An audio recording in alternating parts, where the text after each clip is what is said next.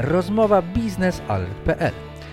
W naszych rozmowach staramy się poruszać tematy oczywiste, nieoczywisty sposób. Trudne pytania oczekują odpowiedzi. My staramy się je uzyskać. Energetyka wymaga wymiany myśli, poglądów, czasem ich konfrontacji. Zapraszamy na rozmowy biznesalert.pl. Dzień dobry Państwa, nazywam się Mariusz Marszałkowski, jestem redaktorem e, biznesalert.pl.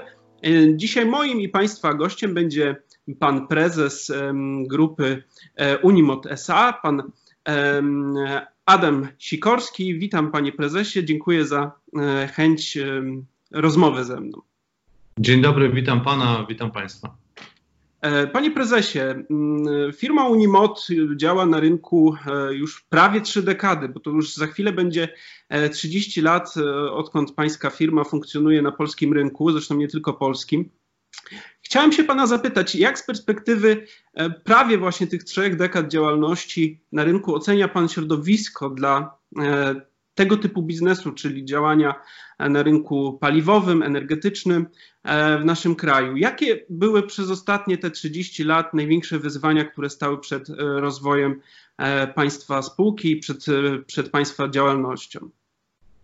Niełatwe pytanie, bo trzeba się cofnąć rzeczywiście te 30 lat, ale dziękuję za nie bardzo z tego powodu, że dużo dzisiaj się mówi o naszej spółce. Wiem, że dużo się dzieje, w samej spółce się dzieje i te 30 lat dokładnie pokazuje, że to, to, co robimy dzisiaj, trzeba oceniać przez pryzmat tych 30 lat. Do tego poziomu, który dzisiaj reprezentujemy i który spółka dzisiaj prowadzi, wielkości biznesu, to jest dokładnie 28 lat e, ciężkiej pracy i ciężkiego rozwoju. Więc to się nie stało w jeden rok, to się nie stało w jedną dekadę. Nie jesteśmy gwiazdą jednego sezonu, e, to naprawdę kawał pracy, która została wykonana.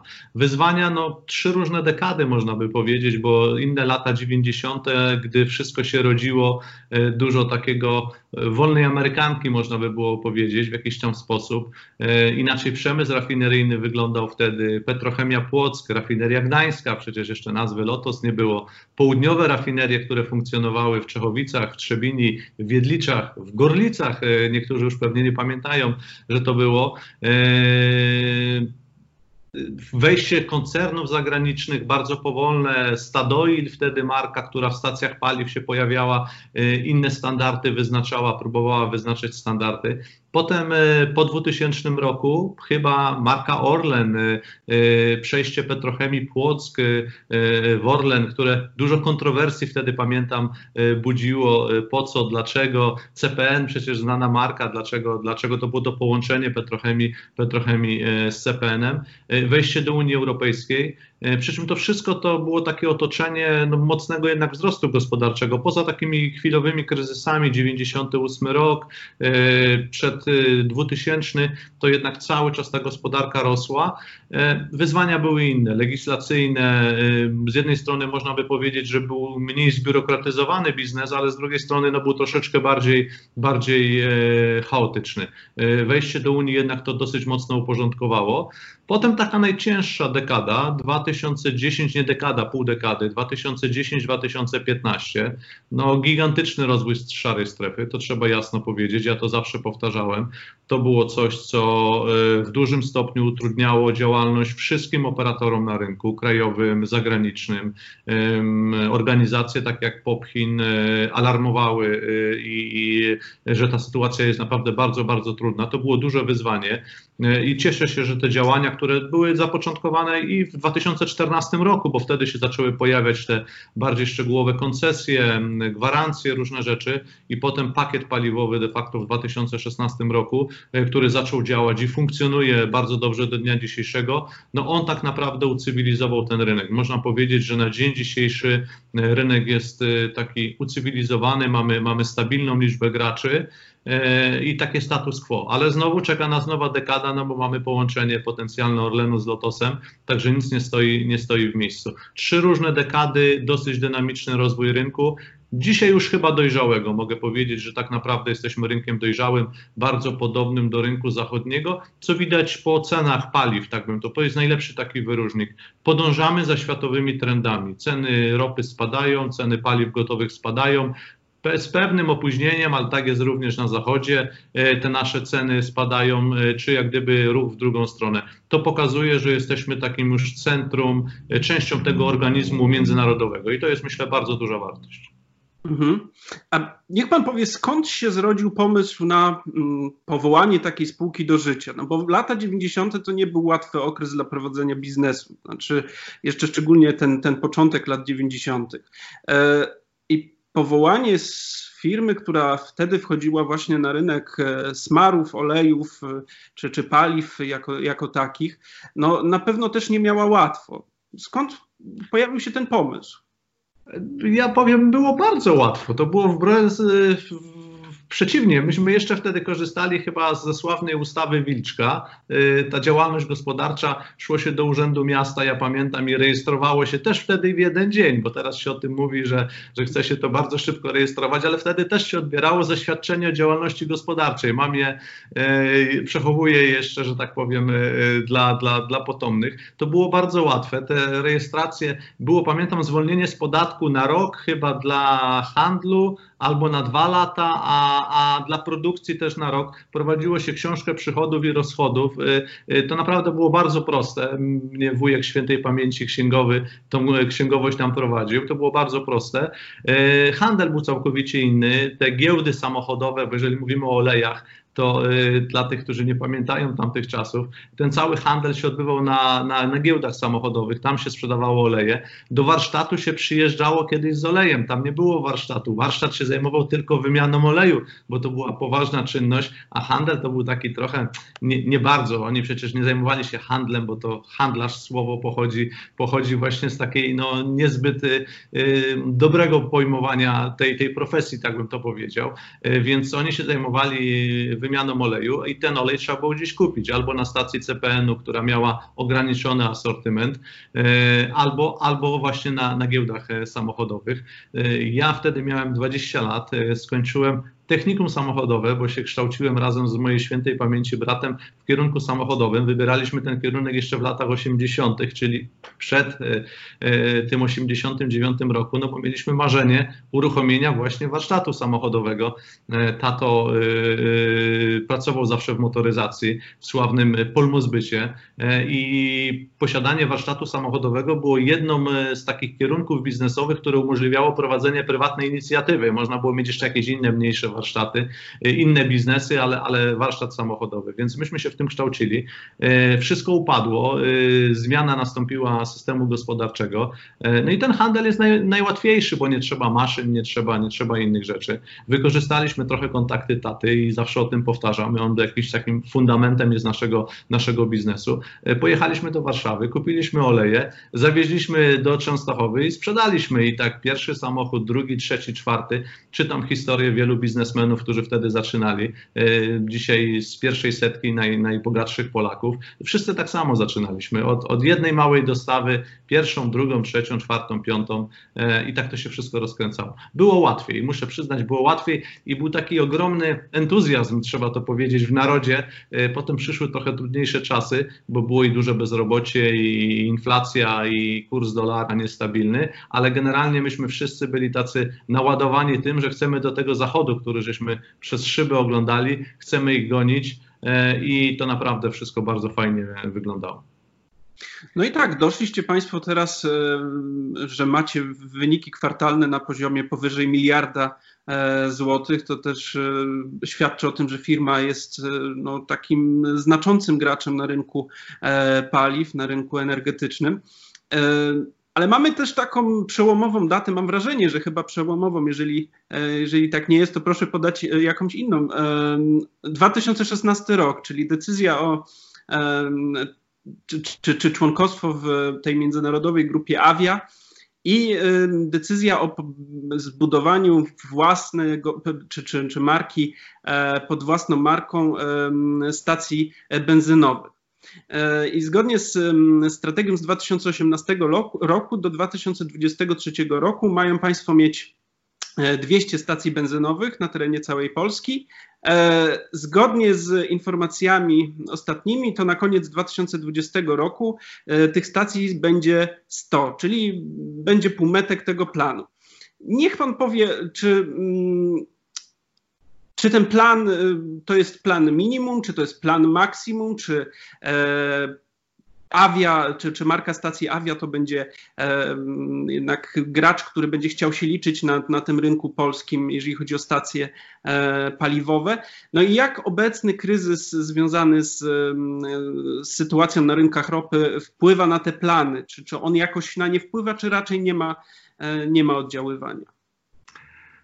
Avia rzeczywiście jest takim naprawdę przełomowym projektem dla nas. Projektem, który powoduje dużo e, dyskomfortu u mnie, e, związane właśnie z liczbami, deklaracjami e, związanymi.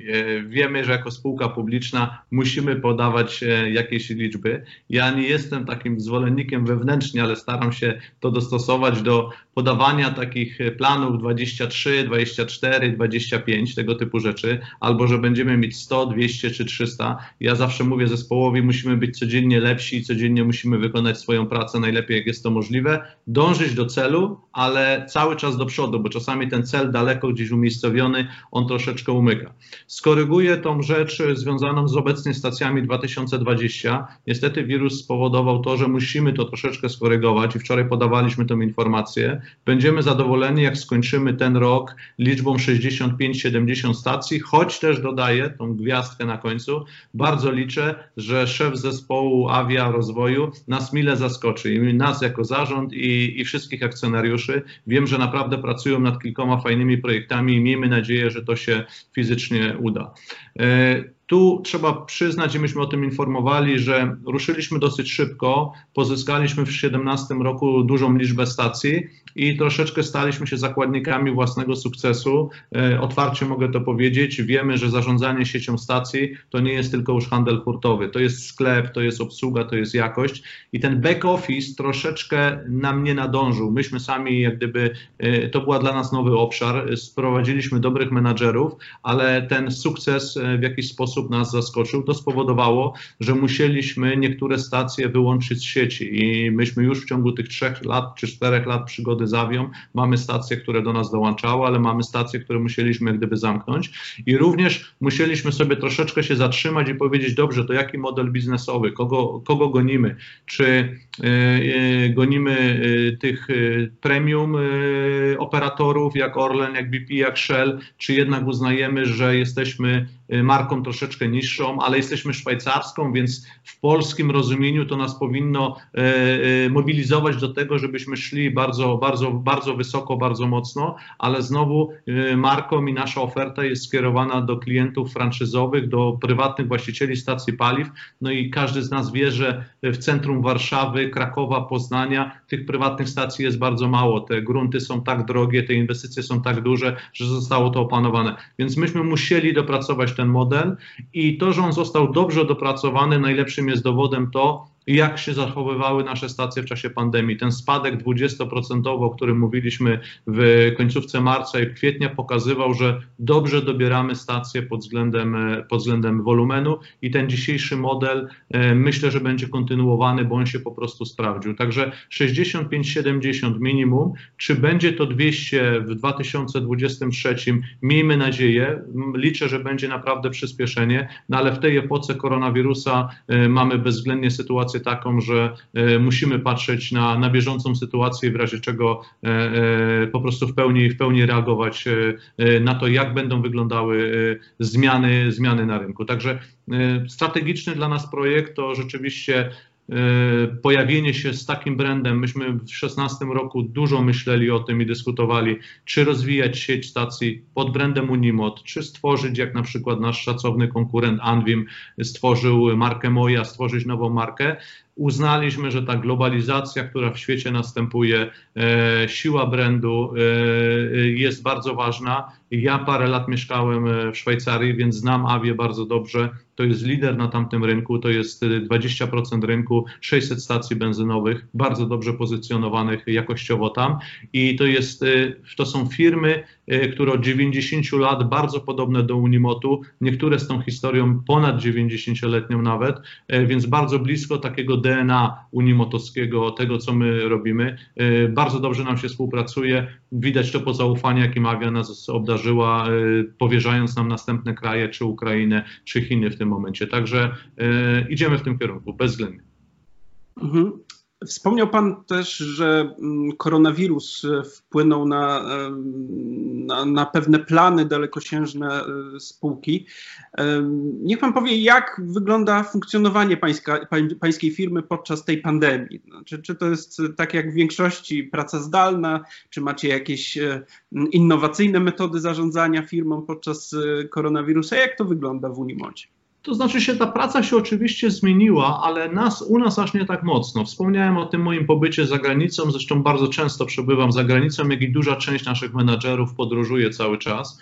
Więc my de facto y, y, wiele lat temu w dużej części pracowaliśmy już zdalnie. Takie rzeczy jak konferencje zdalne y, pomiędzy menadżerami, kluczowymi osobami, to jest coś, od dawna mamy wgrane wszystkie możliwe komunikatory na świecie, żeby z każdym się móc skomunikować, systemy telekonferencyjne, więc to było jak gdyby od dawna praktykowane u nas. Dodatkowo nasza wielooddziałowość. My mamy w Polsce kilka oddziałów, bo mamy podzieloną E, odpowiedzialność poszczególnych grup, e, Zawadzkie, Częstochowa, Warszawa, Gdańsk, to wymuszało też to, że my się musieliśmy ze sobą zdalnie e, komunikować. Narzędzia takie jak zdalny dostęp do serwerów, terminalowe usługi dla osób znających to zagadnienie, to u nas od wielu, wielu lat. Ja nawet nie pamiętam, ja nie pamiętam okresu, że tego nie, nie było u nas. Także to, to jest coś, co funkcjonowało od 2005, 2006, 2007, 2007, 2007 roku co najmniej, jeżeli nawet nie, e, nie wcześniej. Także nie ma zmiany, a plusem jest to, że y, otoczenie zewnętrzne do tego przywykło, czyli teraz y, my nie musimy się dostosowywać do tego, czy namawiać kogoś, zróbmy spotkanie, tak jak z panem redaktorem y, musiałbym, robilibyśmy gdyby osobiście, mam nadzieję, że to nastąpi wcześniej czy później, bo chyba wszystkim brakuje nam tego mimo wszystko, ale jednak otoczenie zewnętrzne też jak gdyby to zaakceptowało i, i rzeczy, które często się mówią, nie, nie, nie, musimy się osobiście spotkać, bo to wiesz, poważna sprawa, musimy pogadać. Dzisiaj się okazuje, że możemy możemy również e, przez e, różnego rodzaju komunikatory e, to załatwiać. Więc daliśmy sobie bardzo dobrze radę. Mieliśmy to, co, że tak powiem, było dla nas ważne. My obserwowaliśmy Chiny, bo mamy to biuro w Szanghaju, które na bieżąco nam wysyłały komunikaty z Chin, jak tam się rozwija sytuacja. Więc ja mówiłem to wczoraj na konferencji inwestorskiej, takiej zamkniętej ja sam osobiście w lutym robiłem pewne zakupy pewnych produktów, e, zapasy dla siebie i dla swoich rodziców i namawiałem osoby z otoczenia, żeby to zrobić. E, wychodząc ze sklepu widziałem, że spojrzenia były takie dosyć dziwne na nas e, w jakiś tam sposób, ale ja wiedziałem, że to nie ma szans, że to nie przyjdzie przy tym dzisiaj globalizacji, przy, przy ilości podróży międzynarodowych, międzykontynentalnych, że nie ma szans, żeby to nie przyszło do Europy, a słyszałem, co tam się dzieje. Wiedziałem tylko, że mamy 6, może 8 tygodni opóźnienia i to jest ten czas, w którym musimy się przygotować. Wiemy dzisiaj, że, że nie do końca te przygotowania na wszystkich odcinkach poszły najlepiej, ale potem nadrobiliśmy to i to jest bardzo duża wartość i to jest bardzo, bardzo ważna, ważna rzecz, bo nie we wszystkich krajach tak to nastąpiło. Więc my byliśmy przygotowani, my dosyć szybko zamknęliśmy biura, e, już jak gdyby tak prawie, że całkowicie poza tylko tymi, gdzie nie było innej możliwości i do dzisiaj jesteśmy praktycznie zamknięci. Myśmy powiedzieli w Unimocie, Pierwsi żeśmy się zamknęli, ostatni się otworzymy. E, spokojnie funkcjonujemy, spokojnie działamy, patrzymy i obserwujemy, co się dzieje. Nie ma to żadnego wpływu na naszą wydajność. W związku z tym, po co na siłę mamy, że tak powiem, y, y, wracać do, do tego okresu sprzed pandemii, jeżeli rozumiem, cały czas jesteśmy w dosyć dużej niepewności od ewentualnego powrotu, to jak wczoraj nawet słyszałem, w każdym miejscu się można spodziewać powrotu jakiegoś takiego ogniska zarażenia i nie wiemy, czy to będzie w Częstochowie, w Zawadzkich, czy w Warszawie, czy w Gdańsku, nie chcemy się kompletnie na to narażać. Jasne, czyli można powiedzieć, że charakter już wcześniejszej działalności państwa mm, firmy spowodował to, że weszliście z pewnym takim handicapem e, w tę pandemię, bo po prostu no, ona nie zmieniła jakby waszej organizacji pracy, po prostu to tak jak pan powiedział, to inni musieli się dostosować do waszych warunków niż odwrotnie. Natomiast e, jest jeszcze temat, który teraz przez pandemię w zasadzie jest troszkę trochę ucichł, natomiast przed pandemią była o tym mowa. Chodzi o stacje benzynowe, jeszcze wracając do stacji benzynowych państwa firmy. E, pod koniec ubiegłego roku pan udzielił wywiadu, w którym powiedział pan, że Avia byłaby zainteresowana potencjalnym zakupem stacji benzynowych od Orlenu w sytuacji, kiedy Orlen musiałby swoje stacje wyprzedawać w związku z fuzją z E, Lotosem. Czy w tej materii coś się zmieniło w Państwa jakby strategii, czy, e, czy, czy, czy dalej podtrzymujecie taką swoją, e, swoje zainteresowanie tymi aktywami właśnie, które potencjalnie musiałyby być zbyte przez, przez PKN? Jak najbardziej podtrzymujemy nasze zainteresowanie, podtrzymujemy to, że nasi koledzy, partnerzy z Avia International, bo o tym żeśmy też informowali, że w razie czego jesteśmy w stanie utworzyć pewne konsorcjum, tak by to się odbywało, innych członków Avia, gdyby się okazało, że ta transakcja jest duża i wymaga, wymaga wsparcia. Także my jesteśmy gotowi, ruch jest po stronie komisji, jak ja rozumiem, i Orlenu. Tam musi nastąpić e, jakieś decyzje, które, które gdyby pozwolą e, e, rozpocząć tak naprawdę takie prawdziwe rozmowy biznesowe. Także cały czas, cały czas czekamy. Mhm. Poza stacjami benzynowymi państwa firma mm, no, jest takim sztandarowym, takim sztandarowym produktem są oleje i smary silnikowe. No ja powiem szczerze, że ja pamiętam firmę Unimod właśnie z lat końca lat 90. właśnie głównie ze z e, olejów silnikowych i to, to, to, to, dla mnie był taki produkt e, właśnie, który się kojarzył z waszą marką. E, I niech pan powie, jak dzisiaj na tym rynku, w którym jest bardzo dużo firm, które produkują takie oleje, smary, które zajmują się tym, tym, tym, tym tymi produktami, przy tak dużej konkurencji, jak wy się odnajdujecie? Czy to jest mm, czy to jest jeszcze perspektywa z rozwojem, czy to już raczej jest taki, e, taki, taki materiał, czy taki środek, który mm, powoli jest w tej stagnacji i będzie obumierał w związku na przykład z elektromobilnością? Rynek jest bezwzględnie spadający, tutaj trzeba sobie jasno powiedzieć. Przy czym u nas e, ta, te oleje e, służą troszeczkę innym celom, tak bym to powiedział. E, nasza aktywność, jeżeli chodzi o oleje w Polsce, ogranicza się tylko do stacji benzynowych. Nie prowadzimy na dzień dzisiejszy sprzedaży hurtowej, a największa aktywność olejowa skupia się u nas na nowych rynkach, czyli dokładnie Ukraina i Chiny. Dlaczego?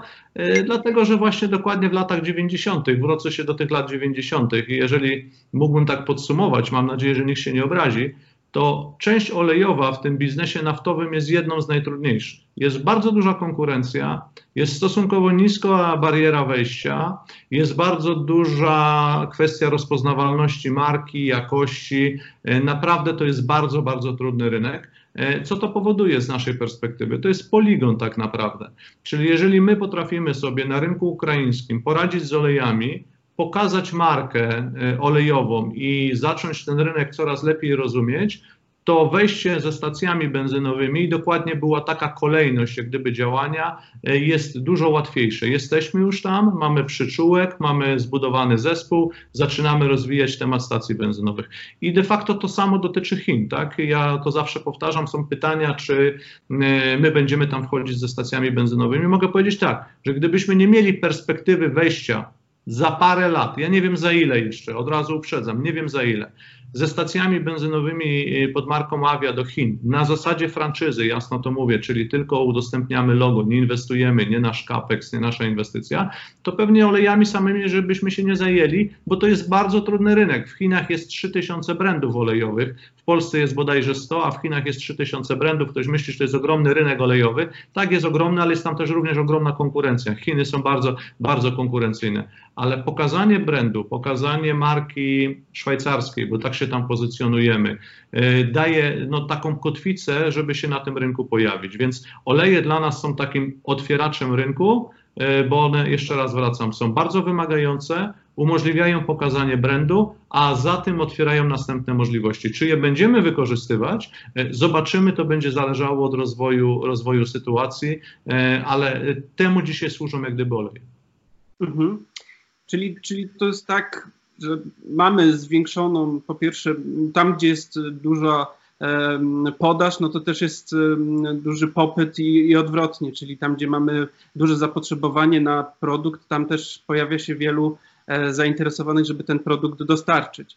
E, Dlatego też od paru lat Unimod, no, można powiedzieć, że staje się coraz bardziej takim pełnym słowa tego znaczeniu koncernem multienergetycznym, czyli koncernem, który e, wchodzi w różne ścieżki, w różne możliwości, szuka swojego miejsca na tym e, wymagającym rynku. No i takim najnowszym, najmłodszym chyba dzieckiem, jeżeli można to tak nazwać, jest e, Aviasolar, czyli wejście państwa firmy na rynek fotowoltaiki. Niech pan powie, jeżeli mógłby pan powiedzieć, jak, do jakiego klienta kierujecie swoje, będziecie kierować swoje usługi?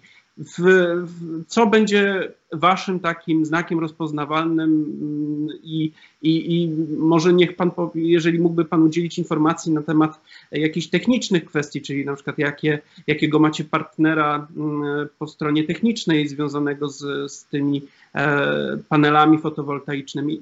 Jak to będzie u was wyglądało?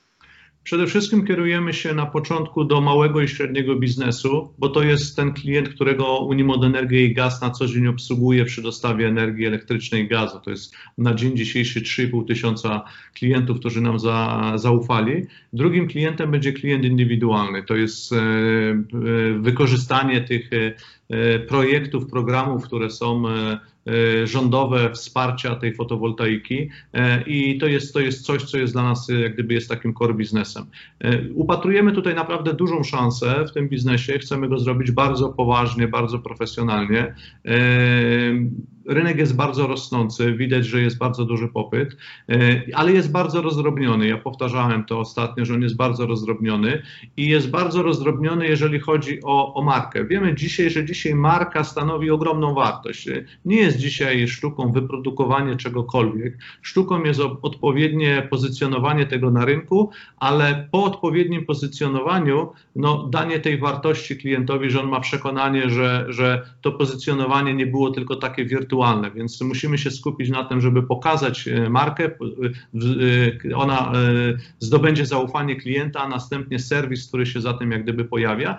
Mam wrażenie, że fotowoltaika tak szybko się rozwija, że już część klientów i takie głosy do nas docierała. Po pierwsze, ginie w gęszczu, gąszczu ofert. Te oferty są fantastyczne na papierze. To są gwarancje prawie że dożywotnie, tylko gwarancje firm, których y, za chwilę może nie być. Tak? Oczywiście to może dzisiaj w koronawirusie nie ma y, wagi super ciężkiej, bo, bo kryzys może każdą firmę y, dosięgnąć i trzeba z szacunkiem do tego podchodzić. Ja podchodzę z szacunkiem, ale jednak mimo wszystko, jeżeli instaluję instalację i ona jest zainstalowana przez firmę, do której potem nie mogę się dodzwonić, instalator skończył pracę, przerzucił się na inną instalację, ma ograniczone, ograniczone zasoby, czy producent paneli nie wytrzymał konkurencji rynkowej, bo, bo e, takie są jak gdyby sytuacje. My zakładamy, zakładamy, że pokazanie klientowi, że za tym stoi poważna spółka. Dzisiaj już poważna spółka, tak myślę, można powiedzieć o Unimocie, giełdowa spółka, która daje gwarancję, że jesteśmy razem nie na rok, nie na miesiąc instalacji, tylko na rzeczywiście te 10, 15, 20 lat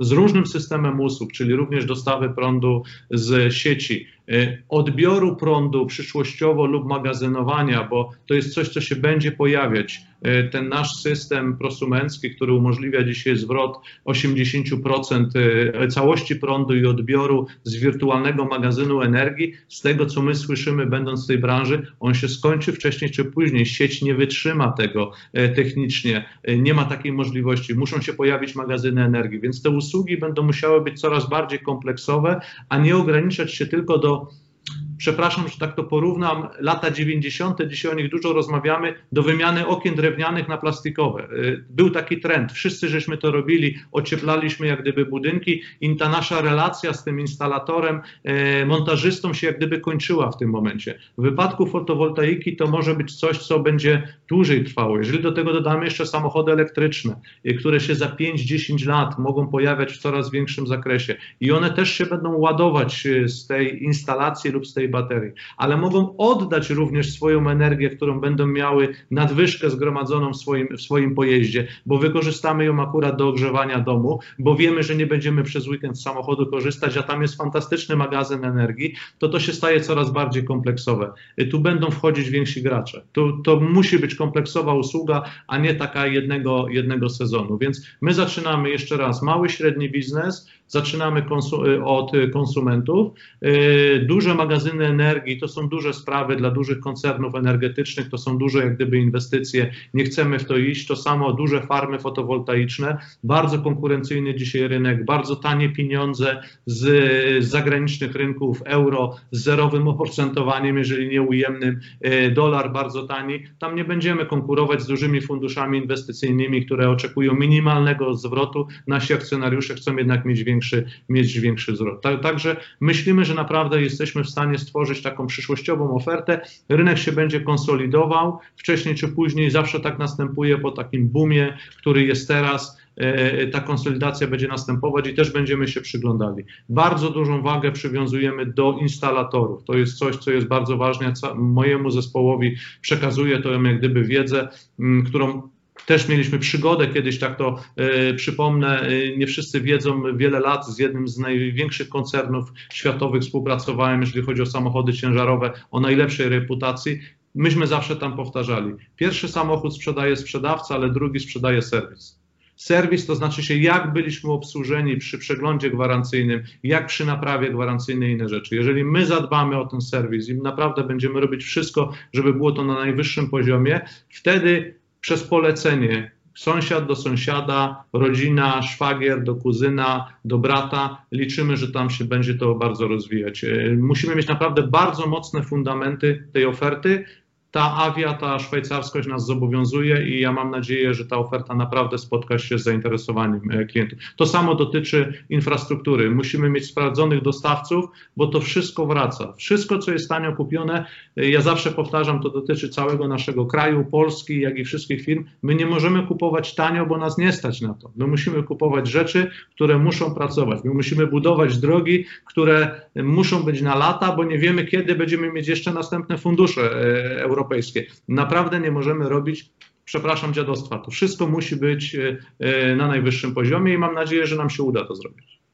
I kiedy planujecie ruszyć już fizyczny montaż pierwszy? Już to robimy. De facto od kilku miesięcy trwały testy. Robiliśmy to trochę jako taki broker, pośrednik. Wynajmowy, pracowaliśmy z kilkoma podmiotami po to, żeby też zobaczyć, jak oni pracują, jak to wygląda. Więc poznaliśmy to troszeczkę, troszeczkę lepiej. Więc de facto, jak już dzisiaj do nas ktoś zadzwoni i znajdzie nas na stronie internetowej, już może zamówić instalację. Taka kampania mocna rusza tak naprawdę od początku czerwca. Y, tam kilka dni w lewo lub w prawo może być przesunięcie Także już dzisiaj jest oferta. Jesteśmy gotowi. Nie mówiliśmy wczoraj o wirtualnych czy przedwczoraj o wirtualnych rzeczach. Ta oferta jest gotowa, dostawcy są gotowi, mamy podpisane porozumienia, e, mamy grupę instalatorów, działamy. Oczywiście gdzieś w jakimś miejscu kraju jeszcze możemy mieć coś niezorganizowane, to jeszcze chwilę będzie zajmować, ale e, z pełną odpowiedzialnością mogliśmy powiedzieć w środę, ruszamy z tym projektem, bo, bo on ruszył po prostu. Mhm. E, Poza tą działalnością i w sektorze e, stacji benzynowych, teraz jak Pan wspomniał, e, w sektorze fotowoltaiki, w sektorze smarów e, i paliw. Od 2018 roku jesteście również obecni jako firma w tak zwanym handlu paliwami płynnymi, czyli działacie już na tym dużym rynku międzynarodowym, w którym jest, który jest pełen różnych niebezpieczeństw, zagrożeń, choćby związanych z kwestiami e, cen, cen ropy, cen paliw. Mm, z tym też jest związane pewne ostatnie wydarzenie, które też Państwa firmie przyniosło, e, no, można powiedzieć, taką międzynarodową sławę. E, mam na myśli oczywiście komunikat Departamentu Stanu, w którym e, firma Unimot była e, wymieniona. Chodzi oczywiście o e, pośrednictwo w dostawie amerykańskiej, historycznej dostawie amerykańskiej ropy dla klienta białoruskiego. Mm, czy może Pan nam coś mi i słuchaczom opowiedzieć o, o, o jakichś kulisach, czy, czy, czy jak jak wykuwało się to partnerstwo z Amerykanami w kwestii dostawy ropy dla Białorusi? Tak jak pan rektor wspomniał, my de facto wcześniej niż w 2018 roku, my na rynku międzynarodowym jesteśmy obecni od 2003 roku. One się zmieniały, się produkty, którymi zajmowaliśmy się wcześniej, to były oleje bazowe, potem ciężki olej e, e, opałowy, e, tak zwany fuel oil, którym żeśmy również handlowali. De facto od roku 2013-14 olej napędowy, który jest takim naszym głównym, głównym tematem.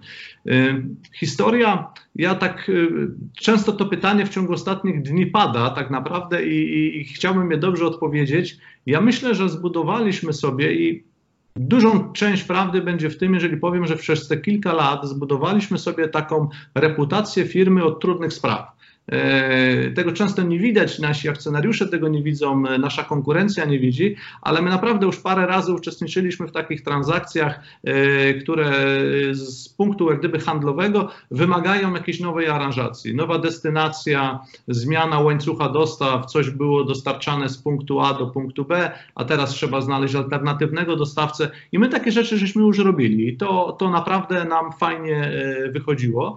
I ja myślę, że to tak naprawdę spowodowało, że Y, mając świadomość, zarówno strona białoruska, którą znamy od 2000 y, roku, początków y, pracowaliśmy już z tamtymi rafineriami, jak i strona amerykańska, która widziała, że, że mogą być jakieś zacięcia, tak? bo na papierze ta transakcja ona jest, ona jest prosta, to jest tradingowa transakcja, kupienie, sprzedanie, wyczarterowanie statku, ale na pytanie, a co się może zdarzyć, że coś pójdzie nie tak, katalog był dosyć otwarty w jakiś tam sposób. I w związku z tym e, tutaj się cieszę, że ta nasza eksperckość kilku działów naszej firmy, bo i charter statków, i, i, i ta część tradingowa, i ta część zabezpieczeń e, ceny, mamy brand, którym operujemy w Europie, po której to formule jest ten towar sprzedany do, do Białorusinów, to nie zdradzam jakiejś tajemnicy. Mamy notowania WTI, czyli amerykańskie notowania.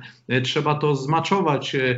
Też by się wydawało nic trudnego. Duży trader powie, przecież to proste, są do tego instrumenty. No niby wszystko proste, ale trzeba, musi to zagrać w jednym momencie, dlatego, że gdyby to nie wyszło, to by było nie success story, to by nie była historia na komunikat Departamentu Stanu. Więc ta nasza eksperckość, ja się bardzo cieszę, ta nasza eksperckość była jak gdyby doceniona i poproszono nas po prostu, e, jak e, możemy jak gdyby pomóc i ułożyć tą transakcję e, logistycznie, handlowo, dokumentacyjnie, żeby wszystko zagrało. No i tak, tak żeśmy się w tym znaleźli. Mam nadzieję, że pierwszy, ale nie ostatni raz w jakiś tam sposób pokazaliśmy, że, że potrafimy to zrobić.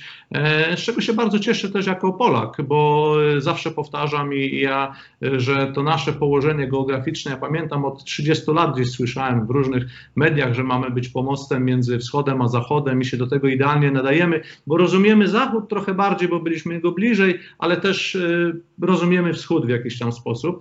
Niestety, jak życie pokazało, często te rozmowy się ponad naszymi głowami e, toczą e, i toczyły. E, nie do końca ta rola nam się udała tak, jak żeśmy chcieli, ale, ale to wraca w jakiś tam sposób. Ten terminal, do którego nawiązywałem ostatnio w Świnoujściu LNG, który no, no umożliwia coś, zmianę całkowitą, dyskusję o przesyle gazu na Ukrainę, w inne miejsca, teraz ewentualnie kraje bałtyckie, tam aktywność PGNiG-u w Kłajpedzie, więc to powoduje, że w ropie naftowej my naprawdę liczymy na to i w produktach naftowych, że Polska również będzie takim, e, takim miejscem. Widzieliśmy już to w tym roku na Ukrainie i w zeszłym roku było to widać, która Ukraina głównie była zaopatrywana z kierunków północnego, czyli Białorusi i Rosji, ale niestabilność powodowała, że musiały się otworzyć łańcuchy, kanały dostaw z południa, czyli morskie, ale również Polska zaczęła eksportować i to dosyć dużo w zeszłym roku, a w tym kwartale, w pierwszym kwartale 2020 e, E, tego roku, e, przez to, że rafinerie białoruskie miały obniżoną produkcję przez brak dostaw e, rosyjskiej ropy, my zaczęliśmy jak gdyby sprzedawać. Więc na tym korzystają duże spółki, które, które bardzo dobrze znamy, ale to jest szczególnie miejsce, gdzie taka spółka jak Unimod i nie tylko Unimod powinna działać, bo ten popyt się pojawia na chwilę, to okno biznesowe, jak my to nazywamy, jest na tydzień, trzeba szybko zadziałać, e, dostarczyć towar i my się w tym czujemy po prostu bardzo dobrze. No właśnie to bardzo dobrze świadczy o firmie, o jej kontaktach międzynarodowych, o możliwości szybkiej adaptacji do zmieniających się mm, warunków biznesowych. To też pokazuje, że no, to, co Pan powiedział już wcześniej, że te prawie 30 lat e, działalności nauczyło, też myślę, że w pewnym sensie nauczyło e, samą firmę do tego, aby być bardzo elastyczną i szybko odpowiadać na te zmieniające się trendy, które w dzisiejszym, dzisiejszym świecie no, potrafią no, zmienić się o 180 stopni w przeciągu kilku tygodni, miesięcy czy, czy kilku lat maksymalnie. E, serdecznie Panu e, dziękuję za e, tą rozmowę wyczerpującą. Mam nadzieję, że będziemy mieli jeszcze okazję porozmawiać i mm, podzielić się z naszymi czytelnikami, naszymi słuchaczami jakimiś dobrymi wiadomościami, zarówno z rynku, nazwijmy tego takiego szerokiego, paliwowego, ale też z takiego geopolitycznego, nazwijmy. Czyli mam nadzieję, że firma Unimod będzie więcej mogła, czy częściej będzie mogła się chwalić o e, dostawami, czy nawet pośredniczeniem dostaw e, ropy dla czy Białorusi, czy gazu może dla Ukrainy. No to są pewne kwestie przyszłościowe i mam nadzieję, że w przyszłości też um, będziemy świadkami takich zdarzeń częściej. Także serdecznie dziękuję panu za, um, za rozmowę. Ja serdecznie dziękuję za zaproszenie i y, jesteśmy zawsze otwarci, y, jeżeli chodzi o media branżowe, tak jak Państwo, ale też y, naszych inwestorów. Ten biznes, gdy często to opowiadam, ktoś mi mówi, słuchaj, jak mówisz o tym, to się wydaje to takie proste. No nie jest czasami takie proste, ten biznes jest też skomplikowany, wymaga pewnych rzeczy, więc tym bardziej chcemy się dzielić tą wiedzą. Te 30 lat to jest tak naprawdę suma, suma doświadczeń wszystkich osób, które są u nas w organizacji. Naprawdę mamy bardzo fajny zespół, jestem z niego dumny. E, też będę zachęcał pana redaktora, żeby tą komunikację czasami poszerzać e, poza, poza tylko moją osobę, e, bo mamy wielu skromnych ludzi, którzy, którzy naprawdę robią fantastyczną robotę i bardzo dobrze znają ten rynek. Specjalistów, których trzeba też wykorzystywać, szczególnie na to geograficzne miejsce Polski. Naprawdę ono geopolitycznie czasami przeszkadzało. Historycznie, jak wiemy, mieliśmy parę tranzytów wojskowych, tak bym to, tak bym to powiedział, e, tragicznych e, w naszej historii, ale jeżeli chodzi o handel surowcami, o, o, o, logistykę, to jest naprawdę bardzo dobre miejsce i korzystajmy z tego wszyscy, tak? Od najmniejszych firm do, do największych. Tak, no idealnie Pan podsumował naszą rozmowę. Także dziękujemy słuchaczom za mm, bycie z nami, za wysłuchanie tej rozmowy i polecamy się w następnych nagraniach biznesalert.pl. Państwa gościem był pan Adam Sikorski, prezes grupy Unimod SA. Dziękuję Państwu serdecznie. A rozmowę prowadził Mariusz Marszałkowski.